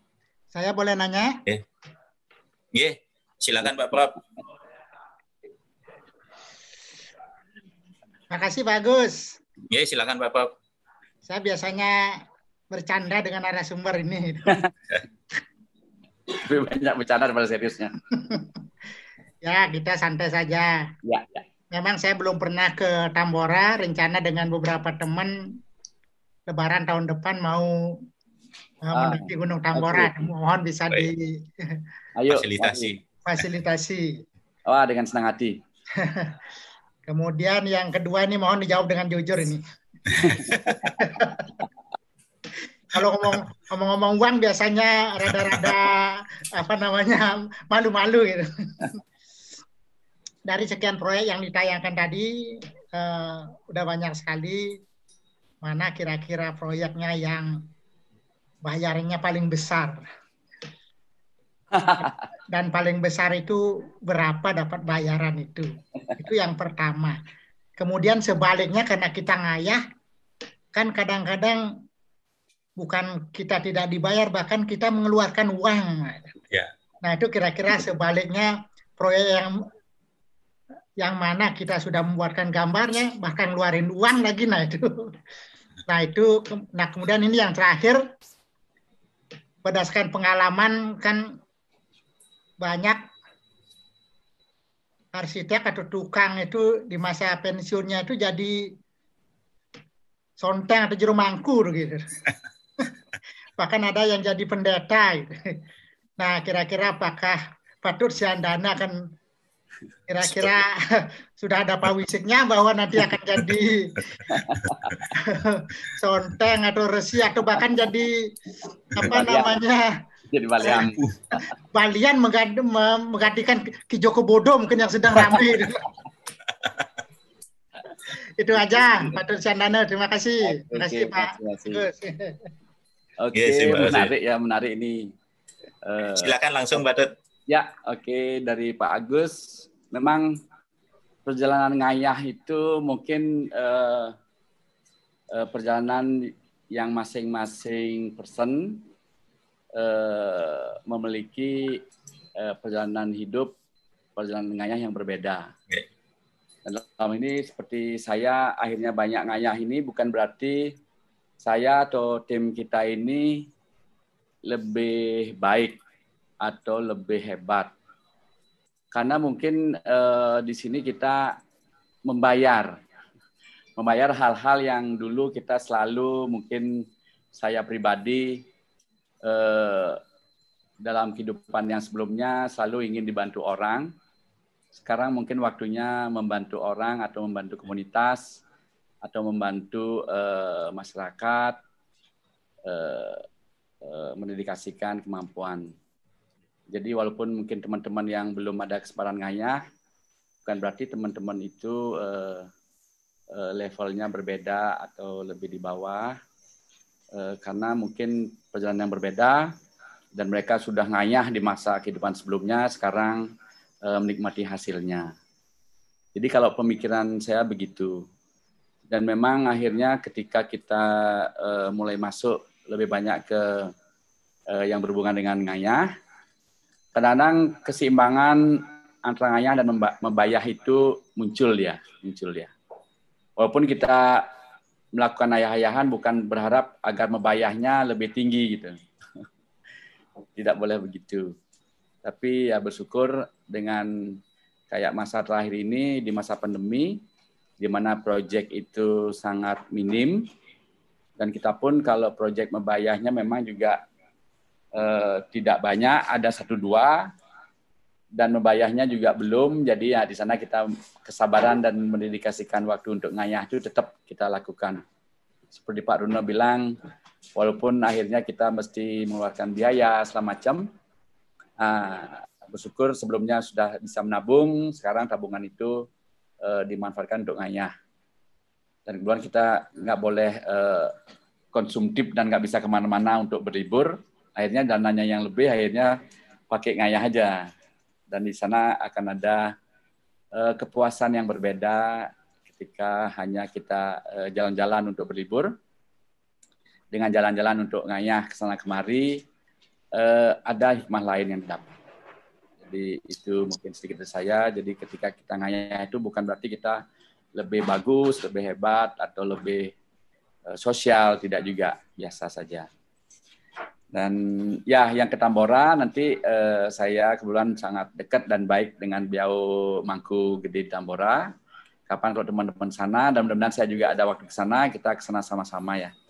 Jadi uh, Tambora itu uh, suatu titik yang sangat menarik untuk kita datangin. Sebenarnya uh, di sana itu tidak tidak dibutuhkan pelinggih atau uh, uh, bentuk-bentuk uh, monumental yang besar karena alamnya sendiri dan pohon-pohon yang besar-besar itu sebenarnya sudah memiliki nilai mahis. Cuman karena tradisi dan ritual kita itu uh, selalu ada wujud patme, wujud candi, wujud bale sebagai uh, simbol kita untuk uh, membayangkan beliau. Jadi masih ada begitu. Dan sebenarnya tanpa ada pinggir-pinggir dengan pohon dan hutannya, uh, itu sebenarnya kita bisa berkontemplasi dan menikmati keheningan di sana. Ya, sesaat mudah-mudahan teman-teman di Warmadewa atau teman-teman kita yang di Widayana, kita sama-sama ke sana sesaat, cari waktu yang baik. Uh, dengan bawa mobil juga sangat menarik sekali. Mungkin uh, perjalanannya akan uh, lebih berbeda, menikmati perjalanan yang ke Tamboranya. Uh, kemudian untuk uh, ini bayaran yang paling besar atau yang paling menarik dari sekian proyek. Kalau proyek Ayah Hayan tadi memang uh, tidak ada hasil dan malah seperti Pak bilang kita kadang-kadang ngayah. Ya ngayah dan mendegasikan uh, tabungan kita untuk untuk ngayah. Kalau yang nilainya besar juga belum tentu proyek besar dan uh, kadang-kadang kita melakukan kerjaan di luar negeri itu atau di luar eh, belum tentu hasilnya lebih besar daripada eh, proyek yang di dalam negeri yang tidak seskala yang di luar. Eh, tapi memang niat untuk mendedikasikan karya, mewujudkan karya itu yang paling penting dan eh, harus disyukuri kadang-kadang bagus dan cukup untuk membiayai kita semua. Kadang-kadang juga eh, sangat minim dan kita mesti sharing sedikit di antara tim. Yang penting kita terbuka dengan tim. Nah itu yang mungkin uh, saya terapkan di di konsultan kita uh, ketika kita memang harus mempunyai satu dua orang yang hanya ngayah dan mereka tidak uh, memberikan kontribusi hasil berupa angka. Tapi ketika bersamaan itu kita wujudkan, jadi antara ngayah sama membayar itu akhirnya uh, uh, balance ya seimbang. Nah itu yang mungkin uh, dua hal yang berbeda itu muncul di sana antara ngayah sama membayahnya itu. Ya kemudian untuk kepemangkuan, uh, mungkin kita kalau dari terus kita uh, konsentrasi di dunia sektor, mungkin nanti uh, spirituality kita bukan ke kepanditaan yang mesti muput karya atau uh, ke pinanditaan yang ke sana, tapi tetap uh, spirituality di bidang berkarya untuk uh, keundagian atau arsitektur yang berhubungan dengan uh, spiritual atau ritual ya. Mungkin uh, saya pengennya ke sana, mudah-mudahan tidak diberikan dititahkan melakukan pekerjaan yang bukan hobi dan uh, talenta kita ya. Jadi kemampuan saya kalau di kepinanditaan atau di kepanitaan mungkin uh, tidak mumpuni ya.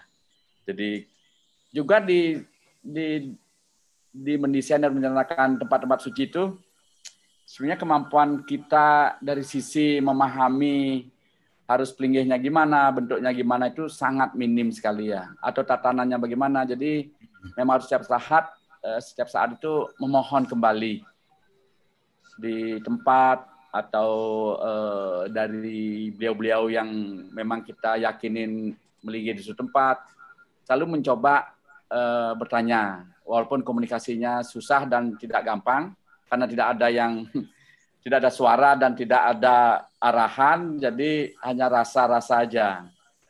Jadi kadang kita juga perlu tetap uh, misalnya ide serimpu, ide begawan, ide undagi yang sudah memang di kampung itu ada, atau teman-teman yang memahami sukat, sikut, dan uh, segala macamnya itu, tetap kita berkomunikasi dan belajar ya.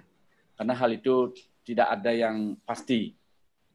Dan kadang-kadang kita juga menyerahkan eh, hanya mendoakan antara tukang dengan alam dan gambar kita yang mungkin tidak sempurna, tapi disempurnakan oleh beliau di eh, tempat di mana kita ngayah. Itu yang kadang-kadang susah untuk diyakinin, tapi kita di sana harus logowo, kadang-kadang kita yang diatur oleh tukang, eh, tapi di sisi lain kita juga harus tetap eh, apa pakem-pakem atau eh, beberapa sisi yang memang eh, tidak boleh atau harus me, me, me, apa, mewujudkan apa yang kita konsepkan eh, untuk membentuk eh, space, atmosfer dan eh, ruangnya itu ya.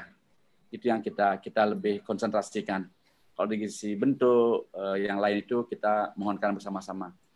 Memang ada hal eh, lain yang tidak gampang, yaitu seperti Pak Agus bilang tadi, ketika kita ingin mengembalikan style atau tetap memakai material yang dulunya ada di sana itu dengan eh, pihak panitia pura atau masyarakat setempat karena itu yang perlu eh, atau karena ada gesekan karena kita dari para arsitek belajar untuk eh, mereserve atau mengkonserve suatu eh, style atau pakem arsitektur tapi masyarakat setempat biasanya pinginnya bagaimana biar kuat, bagaimana biar seperti pura di sana, di sini yang kelihatan lemegah.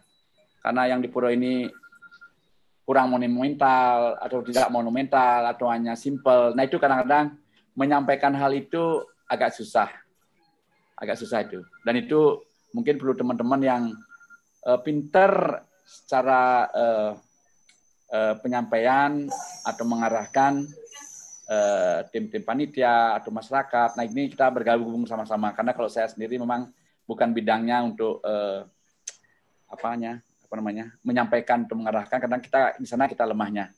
Itu yang kadang-kadang uh, bukan kecewa tapi sedih juga ketika kita harus mengikuti uh, situasi uh, setempat tempat yang berbeda dengan harapan kita sebagai uh, arsitek atau undagi yang kita pikir teori kita benar harus dipertahankan.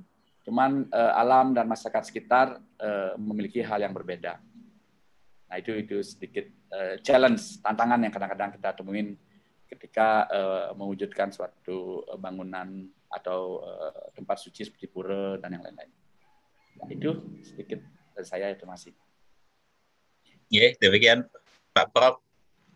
Uh, tadi Pak Dutnya sudah menyampaikan kalau masalah fee itu tidak mesti proyek besar, fee besar, gitu ya.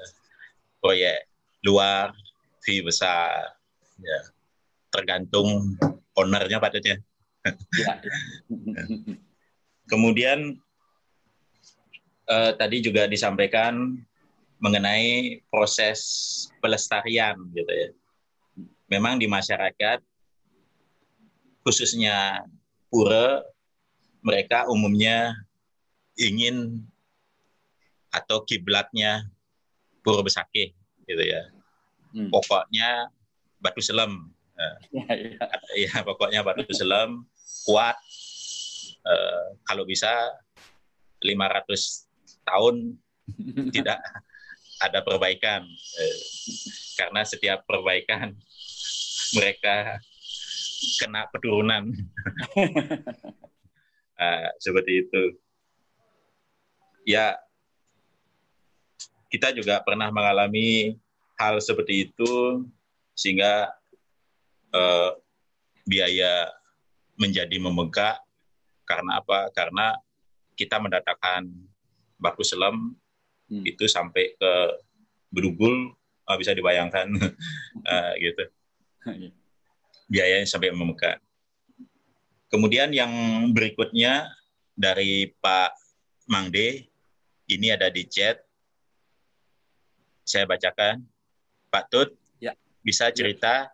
tentang perjumpaan dengan arsitek senior seperti Peter Muller dan lain-lain dan pengaruhnya terhadap pandangan arsitektur Sian Design. Uh, seperti yang saya sampaikan tadi di pembukaan, Peter Muller Internasional itu pada waktu ya setahu saya waktu Obroi yang saya ikuti uh, Waka Obroi Lombok dan beberapa kali sempat ke kantor.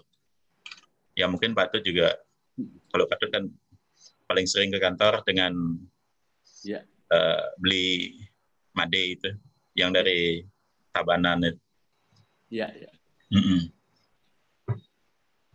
Mungkin bisa dijelaskan Pak Tut bagaimana uh, perjumpaan Pak Tut dengan arsitek senior, kemudian terhadap uh, pengaruhnya terhadap khususnya Sian Design. Silakan Pak Tut. Ya, memang uh, uh, perjumpaan dengan Peter Muller itu juga suatu kebetulan dan juga memang uh, keberuntungan ya dari saya karena uh, kebetulan keluarga ada ikut bersama-sama di Obroi Bali. Cuman eh, tidak semata-mata karena ada eh, hubungan itu kita bisa bekerja sama dengan Peter Muller. Peter Muller juga eh, melihat eh, apa kemampuan dan eh, ini kita sehingga beliau bisa mengajak kita bersama-sama. Jadi waktu itu kebetulan saya sudah sempat uh, berkarya yang uh, proyek Ubud. Jadi ketika melihat karya tersebut, uh, Peter Mundral mungkin uh, apa mengapresiasi bahwa uh, kita punya juga uh, di samping berkarya secara estetika, juga inovasi tentang material ya dan pengalian terhadap material.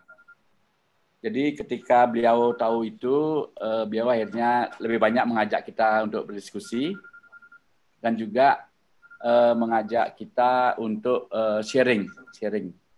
Karena beliau waktu itu juga lagi bersiap-siap untuk membuat konsep Amandari. Jadi memang uh, kehebatan dari uh, Aztec asing atau salah satu yang senior kita Muller ini, mereka tidak hanya seperti kita Eh, belajar dari teori, tapi juga beliau itu betul-betul terjun untuk menggali seperti gimana sebenarnya alang-alang itu, seperti contoh yang simpel ya. Alang-alang itu dipasangnya bagaimana dan kenapa dipasang begitu, apakah ada eh, kelebihan atau positif atau kekuatan dari pemasangan alang-alang ketika diikat seperti itu. Kemudian juga penggalian terhadap material ketika kita bercerita di Ubud, saya memakai material begini, beliau juga penggalian juga. Oh, kenapa harus paras seperti itu? Kenapa nggak bisa paras seperti di kalau kita di Denpasar pakai paras kerobokan waktu itu, kalau di sana pakai paras taruh.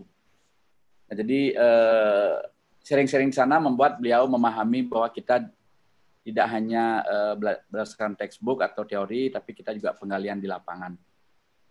Nah dari sana juga eh, akhirnya memunculkan eh, sinergi.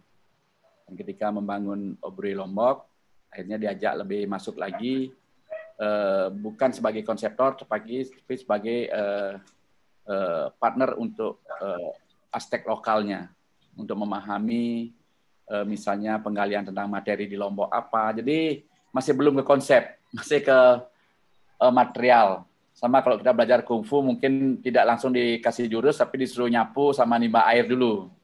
Nah ini disuruh uh, belajar tentang material dulu. Jadi penggalian material di Lombok sampai ketemu yang nama eh, satu batu yang memang berasal dari satu desa, Sengkol.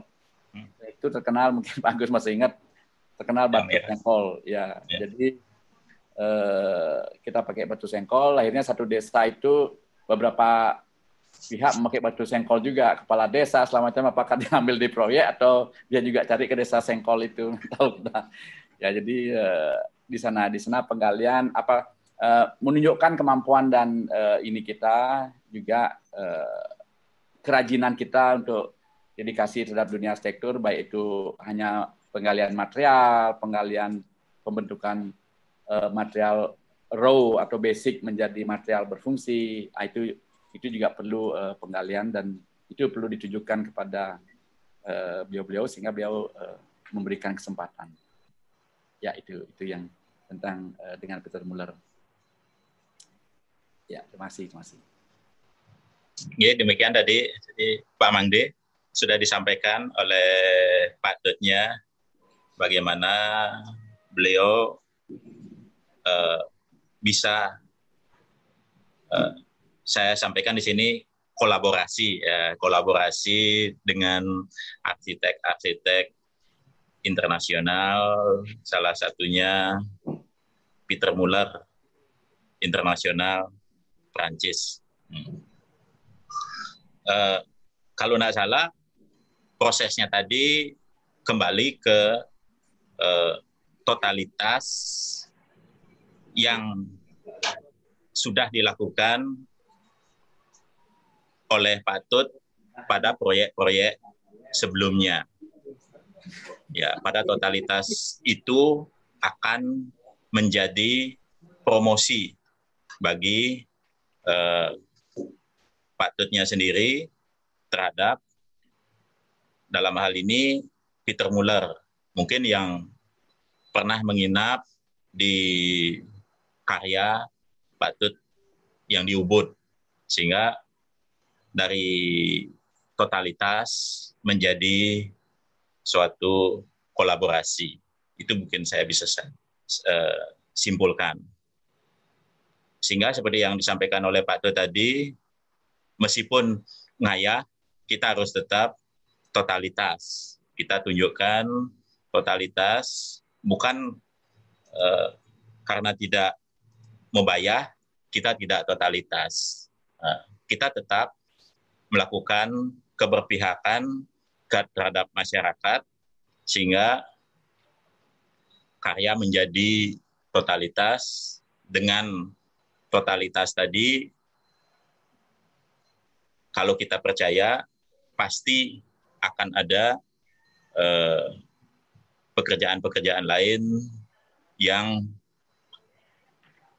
dalam hal ini membayar eh, pasti kita tidak akan bisa menuntut kepada owner yang dalam hal ini proyek ngayah untuk suatu saat akan memberikan proyek membayar. Tapi dengan ngayah akan ada pihak-pihak lain yang akan memberikan kita proyek membayar tadi.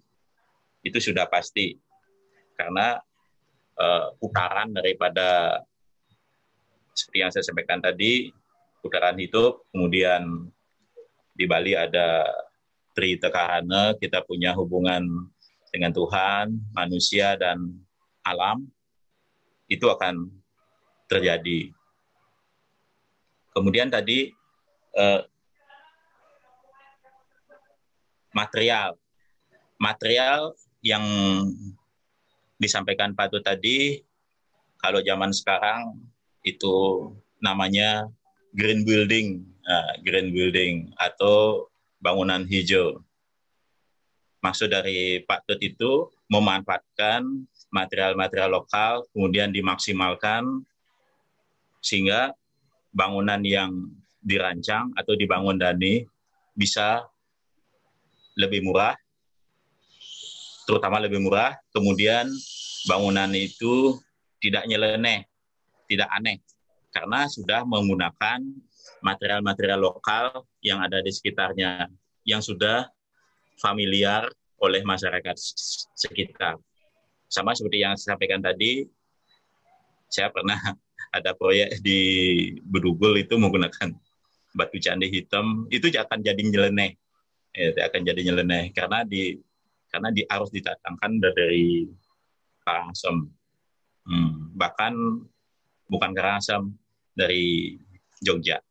Nah, tapi kalau misalkan di konsep green building itu tidak boleh.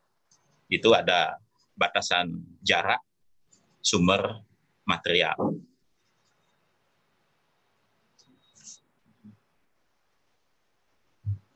Uh, mungkin dari Pak Prop atau Pak Mangde ada yang ditanyakan lagi atau didiskusikan lagi dengan Pak Tutnya karena keterbatasan waktu dan juga kepada mahasiswa mungkin ada yang disampaikan lagi eh, saya izinkan lagi satu penanya aja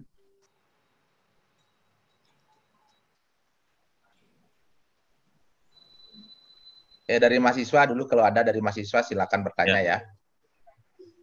Seharusnya dari mahasiswa karena ya. ini diskusi ilmiah uh, mata kuliah etika berprofesi. Bagaimana nanti sebagai arsitek berprofesi profesi mengikuti uh, etika yang berlaku Agus. Yang. Siap.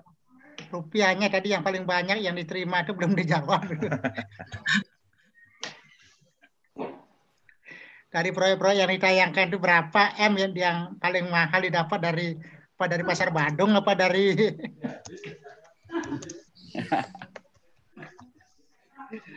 tiga M yang di yang disampaikan oleh patutnya semua proyek ngayah patut eh, Pak Prof semua ya, proyek ngayah. uh, uh, ya. kecuali proyek Kumasari mungkin.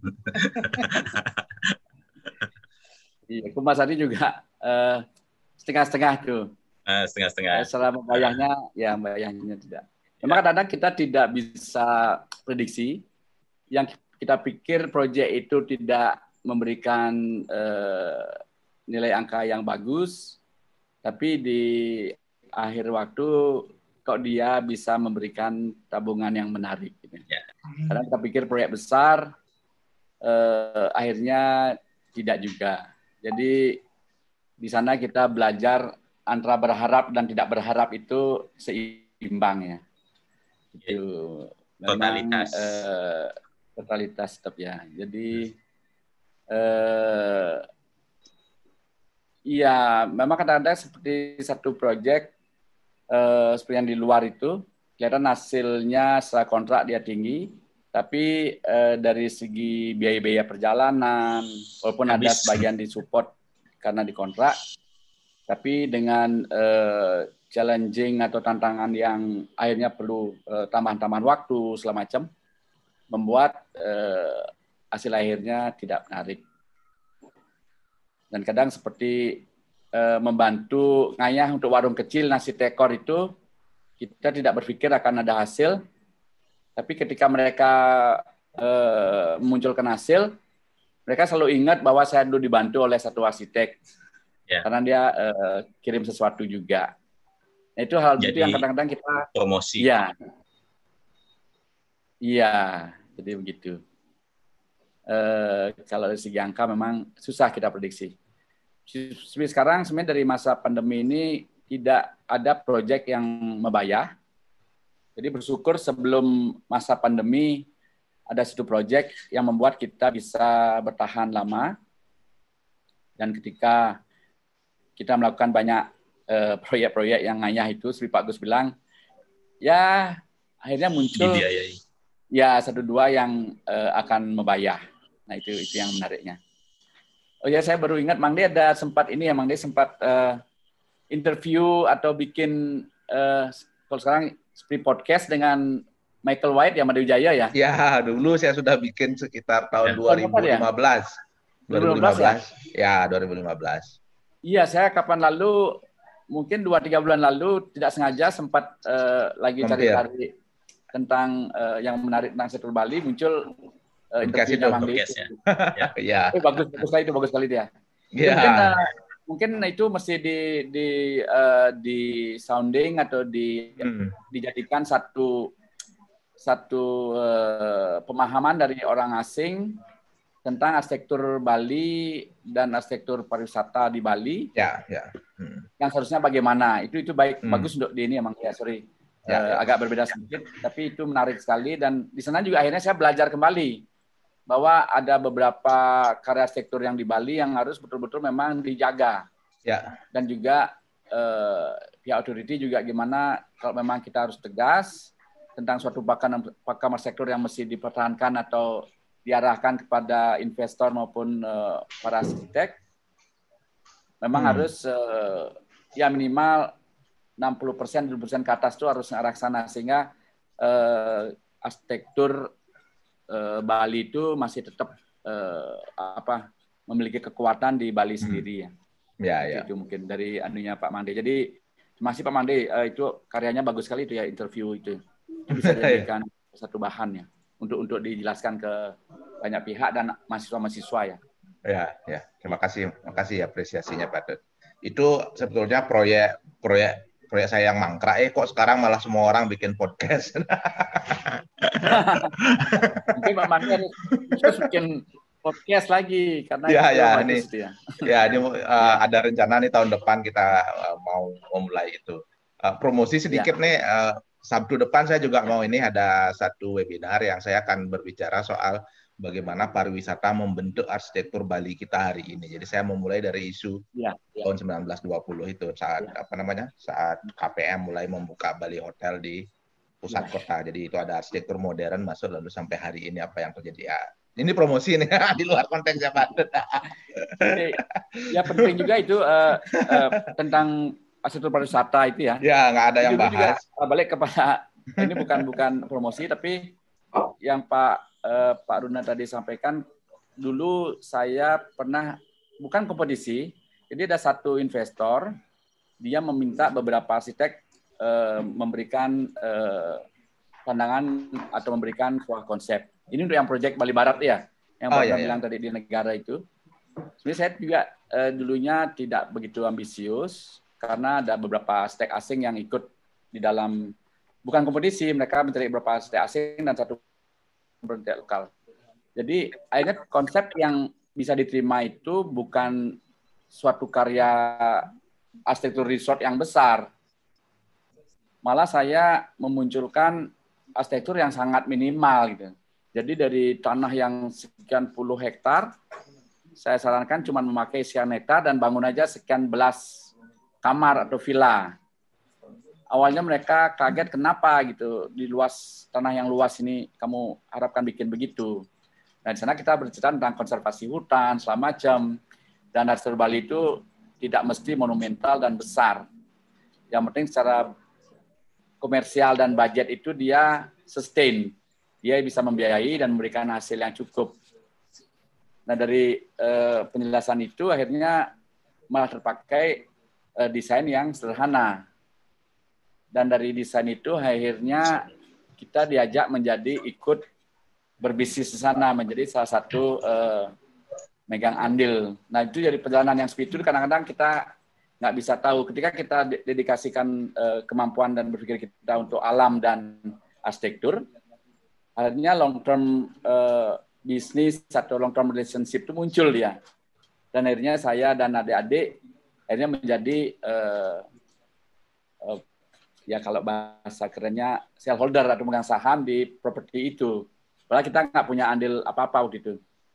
Nah di sana uh, apa namanya dedikasi dan keberpihakan terhadap sektor dan alam itu kadang-kadang memunculkan nilai membayar yang tidak terhitung angkanya. Artinya di, dipercaya menjadi ikut bagian dari proyek tersebut. Itu uh, sedikit tambahan dari Pak Runa tapi nggak muncul angka ya Pak Runa ya. Tetap masih di di di, di, anu, di abu-abukan angkanya tapi yeah. itulah di blur. uh, anunya. Kadang-kadang kesempatan itu muncul karena suatu hal yang uh, berdasarkan dedikasi. Ya. oh yang di Taman Nasional Bali Barat itu? Ya. Wakasoria Wakasoria? Ya. Yang Wakasoria itu ya? Macet kayaknya Iya Pak, Waka Waka Soria. Waka Soria. Iya, ya. Waka Soria namanya. Saya sekeluarga pernah nginep di sana, tapi anak-anak protes nggak ada TV di kamar gitu. Akhirnya dapat Pak Runo nginep ya? Dapat ya? Sorry. Dapat, dapat, ya? dapat, dapat. Pak Runonya bayar. bagus, bagus, bagus, bagus untuk, menye untuk menyepi, bagus. Ya. Memang ya. konsepnya seperti itu. Kayaknya terputus ya. Nanti internet suaranya Pak Dut kedengaran jelas. Masih, masih. Masih kedengaran. Masih Pak Dut, masih Pak Dut. Hmm. Macet semuanya. Ya, ke internet Hmm.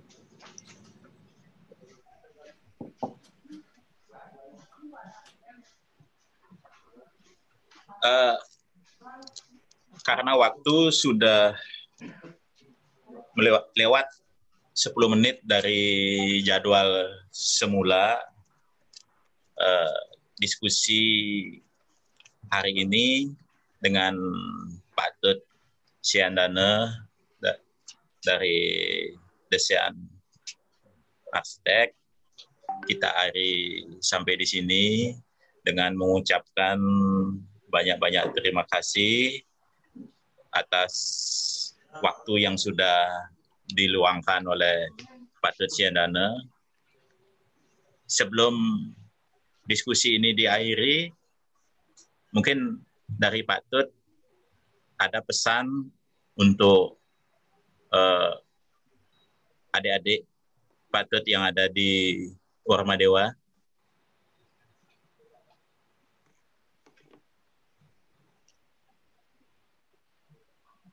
Macet kayaknya di Pak Tut nih. Oh. Macet nih. Ya, macet nih kayaknya oh, ya. sini. Ya. Internetnya masalah mungkin ya. Oh, udah. Udah. Udah ya. Dengeran kok, Pak Dad. Halo, kedengeran, Pak Dad? Oke, oke. Ya, ya. Okay. Sebelum uh, acara diskusi ini diakhiri, Pak Dad, mungkin dari Pak Dad ada pesan untuk adik-adik yang ada di Warma Dewa, Pak Dad? Atau Pak Dad pernah aja PKL misalnya mahasiswa dari Warma Dewa. nah, berdasarkan itu gimana nasihatnya? betul betul. Oh, uh, pernah Pak yang dari Warma Dewa? Ya. Malah arsitek senior saya dari Warma Dewa ini. Sampai sekarang masih. Oh, gitu. Eka, Eka Wijaya. Ah, ya, ya. Uh, iya, jadi saya pikir Warma Dewa sudah cukup ini ya, cukup cukup uh, apa namanya? Uh, maju sekali dunia arsitekturnya dan uh, aktivitas arsitektur yang dibuat.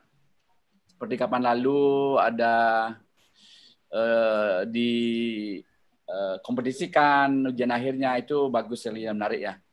Hmm. Dan uh, silakan dilanjut dan dari saya ya mungkin dari cerita tadi sudah cukup banyak memberikan uh, pandangan dan dan uh, sedikit arahan juga jadi uh, seperti Pak Agus tadi berapa kali ini dedikasi dan konsentrasi kita di dunia sektor itu harus uh, berbeda dengan profesi lain. Kita memang uh, kalau memang harus terjun di dunia sektor, uh, dedikasikanlah energi, kekuatan, kemampuan kita untuk berduduk di dunia sektor.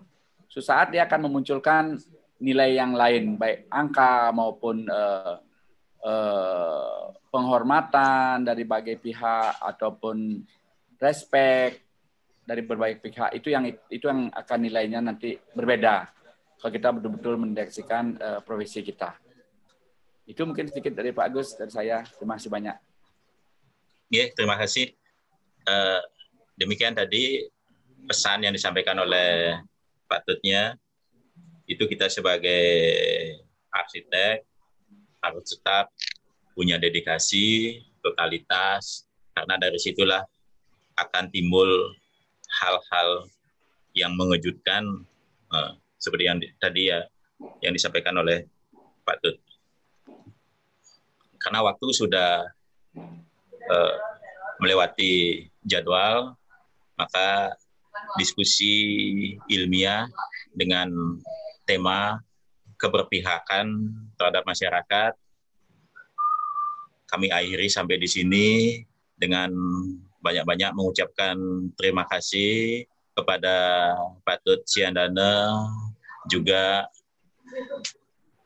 kepada Bapak Dekan sudah mengikuti kegiatan ini dari awal sampai akhir, juga kepada Pak Ketua Jurusan, Bapak Nyoman Gedema Putra, dan juga kepada mahasiswa yang tetap aktif mengikuti kegiatan diskusi ilmiah dalam rangka mata kuliah etika berprofesi arsitektur.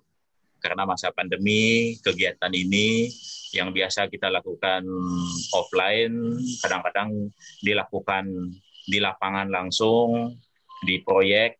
Mungkin patut pernah diganggu di Wakagangga, mungkin waktu itu diantar Pak Mangde ya. Ya. Uh, ya. Hmm. Langsung ke Wakagangga, uh, seperti itu kegiatan kami di mata kuliah etika berprofesi agar mahasiswa mengerti bagaimana seorang arsitek itu beretika.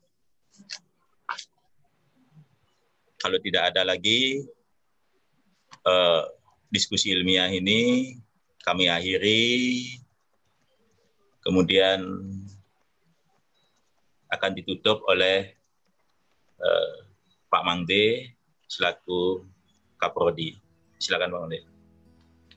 Ah ya, terima kasih Pak Agus sudah memandu diskusi kita dari pagi hingga siang hari ini dan apresiasi yang setinggi-tingginya untuk Pak uh, Dut Siandana atas uh, waktu yang sudah diluangkan untuk sharing bersama anak-anak mahasiswa. Jadi minggu depan uh, masih ada seri lagi. Eh minggu ini kayaknya uh, akhir pekan ini masih ada seri lagi bersama Yusing tapi Yusing uh, kemarin mengabari saya beliau sedang uh, demam tapi sudah menyiapkan PPT mudah-mudahan hari ini bisa membaik sehingga besok uh, Yusing bisa berbagi dengan kita di hari Sabtu. Kemudian untuk yang uh, Pak Dociandana uh, ada banyak sekali uh, ilmu dan pelajaran yang bisa kami uh, dapatkan. Mohon izin uh, ini kami rekam tadi Pak Dut nanti kami tayangkan di channel YouTube Arsitektur Warma Dewa sehingga lebih lebih panjang lagi bisa kita uh, nikmati diskusi uh, kita dari pagi hingga siang hari ini. Jadi setiap saat bisa ditonton ulang. Uh, semoga Pak Tut tidak berkeberatan dengan uh, hal tersebut.